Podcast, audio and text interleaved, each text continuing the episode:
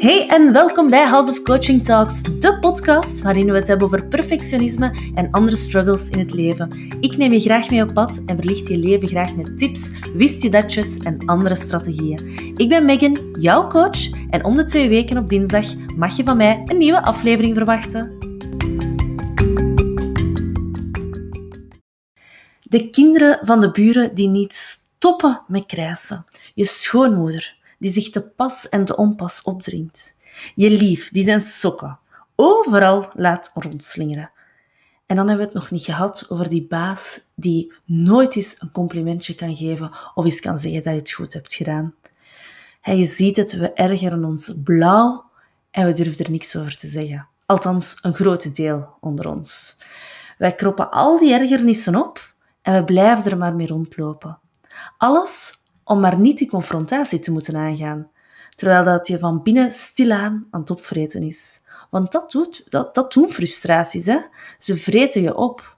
Het begint met een willekeurige eerste frustratie. Hè. We noemen het nog niet een frustratie, maar eerder een vaststelling op dat moment. Hè. Bijvoorbeeld dat je baas uh, nooit eens kan zeggen dat je je werk goed gedaan hebt. Hè. Plots komt die gedachte bij je op als hij weer eens gewoon voorbij loopt op kantoor. Maar oké, zo gaat het dan. Je slikt het door en je stort je terug op je werk. Maar dan is er dat superbelangrijk project waar dat je weken, maanden zelfs aan aan het werken bent. En de dag komt er dat je dat project moet gaan neerzetten en you nailed it. Het is supergoed gegaan, maar alweer radiostilte aan de kant van je baas. En dan wordt dat een dingetje. Zo'n dingetje waar je op begint te focussen. En elke keer als je je baas ziet, dan denk je eraan. En elke keer als je iets verwezenlijkt, ja, dan denk je er nog eens extra aan. En voordat je het weet, zit je met opgekropte frustraties, met een soort woede in jezelf. Niet alleen ligt die focus er nu op, omdat het een dingetje is, maar het borrelt zo sterk van binnen dat je alleen nog maar woede voelt. En dat, mijn vrienden, is zo erg enorm jammer. Want waarover gaat het hier eigenlijk? Waarover gaat het echt? En ik neem nu bijvoorbeeld uh, die baas als voorbeeld, maar het kan ook gaan over eenderd welke frustratie. Maar waar dat het altijd over gaat, of wat dat de achterliggende gedachte is, het gaat hier allemaal over het niet durven zeggen. Niet durven omdat je bang bent voor gedoe, omdat je bang bent voor het conflict. Want wat we dus eigenlijk doen, is onszelf opofferen. want dat is zo, als, je, als jij van binnen aan het koken bent, ja, dan ben je eigenlijk je eigen, ja, jezelf aan het opofferen. Want het is niet fijn om van binnen te koken. je, je offert jezelf op in functie van de lieve vrede. Maar jij blijft er wel mee zitten. En het meest frappante is, en dat is iets dat heel vaak over het hoofd gezien wordt, dat is dat je net door het gesprek aan te gaan, amai, wauw, door het gesprek aan te gaan, dat je ervoor zorgt dat het niet escaleert. Zo voorkom je gedoe. Dus het gedoe waar je eigenlijk zo bang voor bent, komt er pas als je het opkropt. Maar ik begrijp natuurlijk dat het niet zo eenvoudig is om in elke situatie je mond te gaan opentrekken. En daarom geef ik graag een aantal tips mee. Of je kan het eerder een stappenplan noemen, want ja, er is natuurlijk wel een, een kleine volgorde. Um, maar bekijk het eens en kijk eens hoe dat jij met je eigen situatie in het achterhoofd daarmee aan de slag kan gaan. Als eerste is het belangrijk dat je voor jezelf vaststelt wat dat je uit zo'n gesprek wilt halen. Wat is jouw drijfveer, jouw intentie? Dus dat gesprek dat je eigenlijk niet durft voeren, stel dat je dan nu toch, je hebt dat beslist, ja, ik ga dat doen, voilà. Oké, Stel, hè, dus je hebt die, moeilijke relatie met je leidinggevende, met je baas. Ondertussen zijn de frustraties al zo opgekropt dat je bijna bezwijkt onder de druk. Kijk dan eens wat je eigenlijk uit het gesprek zou willen halen. In dit voorbeeld is dat um, bijvoorbeeld je wilt een betere samenwerking. Op privévlak kan dat zijn hè, met je partner um, dat je meer quality time wilt, dat je je meer verbonden wilt voelen. Dus als je dan beslist om het gesprek aan te gaan, en dat is de tweede stap, hè, dus de eerste, zet je intenties voor jezelf goed. Maar de tweede stap is dan ook van, open het gesprek met die intentie. Misschien wat anders geformuleerd, maar open het gesprek. formuleer die intentie ook positief, zodat de neuzen direct in dezelfde richting gedraaid staan. Want welke leidinggevende wilt nu niet de samenwerking optimaliseren? Hè? Ga dus niet negatief of oordelend te werk, maar spreek vanuit de ik-persoon, altijd vanuit de ik-persoon, van ik zou willen dat we een betere samenwerking hebben. Dat zou zo'n een, een, positieve intentie kunnen zijn. En bam, oké, voilà, je hebt dat dan gezegd, het gesprek is begonnen, dan is het tijd voor de derde stap. Vertel nu aan je gesprekspartner, je leidinggevende in, uh, in dit geval, um, vertel hem welk gedrag dat hij stelt of niet stelt, waar jij je aan ergert. Maar ook hier zonder oordeel, puur de feiten en ook weer in de ik-vorm. Een kleine tip hierbij is um, om je zintuigen te gaan gebruiken.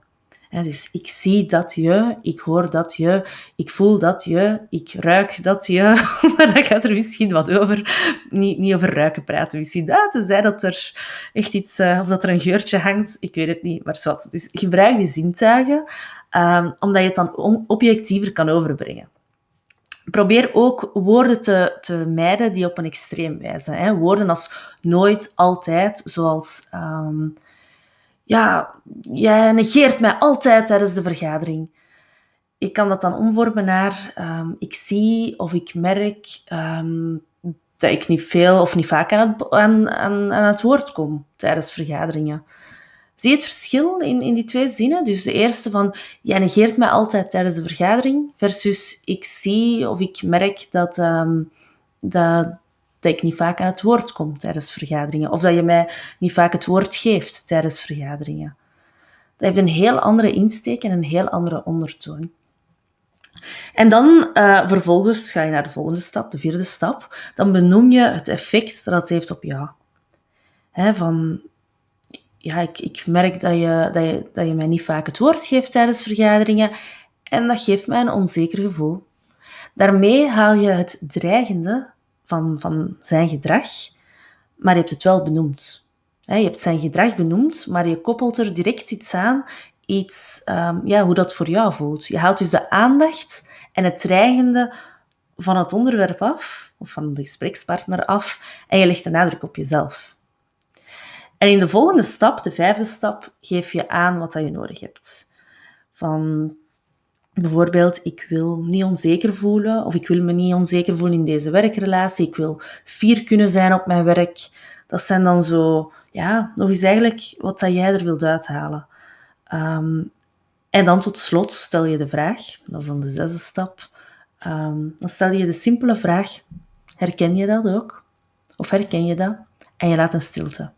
Je zwijgt. En door die laatste vraag te stellen, open je de dialoog. En dan vraag je gericht naar een ja of een nee. En daarmee heeft je gesprekspartner minder de kans om, om in verweer te gaan en kan er in oplossingen gedacht, worden. En vervolgens, um, eens dat het gesprek wel op gang is, dan ga jij wat praten, ga jij wat praten. Zorg ervoor dat je zeker duidelijke afspraken maakt. En je zult zien, eens dat die afspraken er zijn, dat praten helpt, dat communiceren helpt.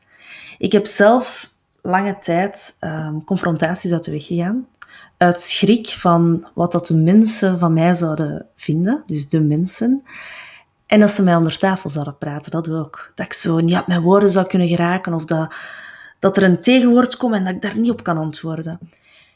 En vaak als ik dat dan deed, als ik dan toch het gesprek aanging, uiteindelijk, na heel veel opbouwende frustraties, dan zat die frustratie zo hoog dat ik mijn cool in het gesprek ook verloor, dat ik die niet kon behouden en dat ik mij liet vangen door mijn emoties. Dan, dan zat het zo hoog en dan begon ik direct te wenen of te roepen. En dat is juist het ding. Frustraties zorgen daarvoor. Die zorgen dat je vanuit emotie handelt. En terwijl er niks is, eh, of niks mis is met emoties, liever, ehm, gaat het er wel om om een gesprek, een constructief gesprek te kunnen hebben. Maar als je je laat leiden door emoties, ja, dan, dan gaat het gesprek alle kanten uit. Dus daarom, hè, intussen heb ik geleerd om, om het gesprek proactief aan te gaan, voordat de frustratie te hoog is. Niet af te wachten, want ik heb evenveel recht als een ander om mijn mening te geven. En al zeker als die mening mij van binnen begint op te vreten. Dus speak your truth, want jij hebt ook jouw waarheid. Dus ga eens aan de slag met deze manier van, van ja, een gesprek aangaan en kijk eens wat dat je geeft. Oefen het dus nooit op voorhand bij iemand dat je vertrouwt. Als het effectief bijvoorbeeld over jouw leidinggevende gaat, oefen het dan eens met je partner om eens te kijken van oké, jij bent nu eens even mijn leidinggevende als ik het op die manier zeg, hoe komt dat over? Hè? Oefen dat is dat je dan een keer in de vingers hebt. Of nooit spreek het in een voice message naar een vriendin in, of uh, zeg het in de spiegel, maakt niet uit, maar dat je het zo een keer gezegd hebt. Um, ik zet nog eens eventjes kort de zes stappen op een rijtje voor jou. Um, dus de eerste was, zet je eigen intentie. Dus voor jezelf, nog niet om te communiceren, maar echt voor jezelf, van oké, wat wil ik uit dit gesprek halen? De tweede stap is Spreek je intentie positief uit naar je gesprekspartner, dus op een positieve manier.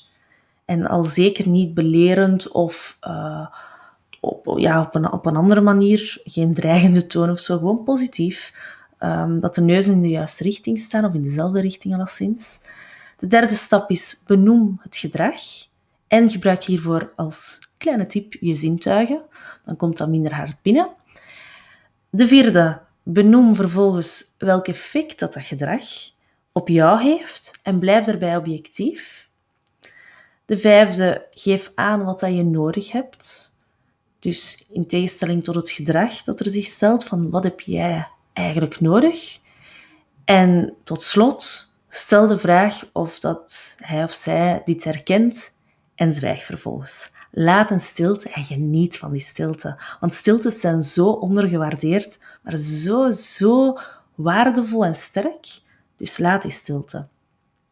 Zo, ik hoop dat als jij met opkomende of al ver gevorderde frustraties zit, dat je eindelijk dat gesprek durft aangaan. Heb je toch nog een extra zetje nodig of heb je het gevoel dat er iets anders speelt, dat je het gevoel hebt van mm, ja, oké, heel goed dat stappenplan, maar ik durf zo nog niet, er zit zo nog iets. Mogelijk zit daar inderdaad iets. Uh, dat kan perfectionisme zijn, dat kan iets helemaal anders zijn. Als je het gevoel hebt van, ja, ik heb hier nog een extra zetje nodig, laat me dan eventjes iets weten. als coach begeleid ik mijn coaches altijd één op één, ofwel online ofwel fysiek. Um, dus als je daar nood aan hebt, dan kan je altijd eens op mijn website gaan kijken ik heb een gratis uh, kennismakingsgesprek dat ik aanbied. Dat is gratis en vrijblijvend. Dus je bent niet verplicht om in te stappen, helemaal niet. Maar om eens even te kijken waar loop je tegenaan en hoe kan daar misschien met coaching aan gewerkt worden.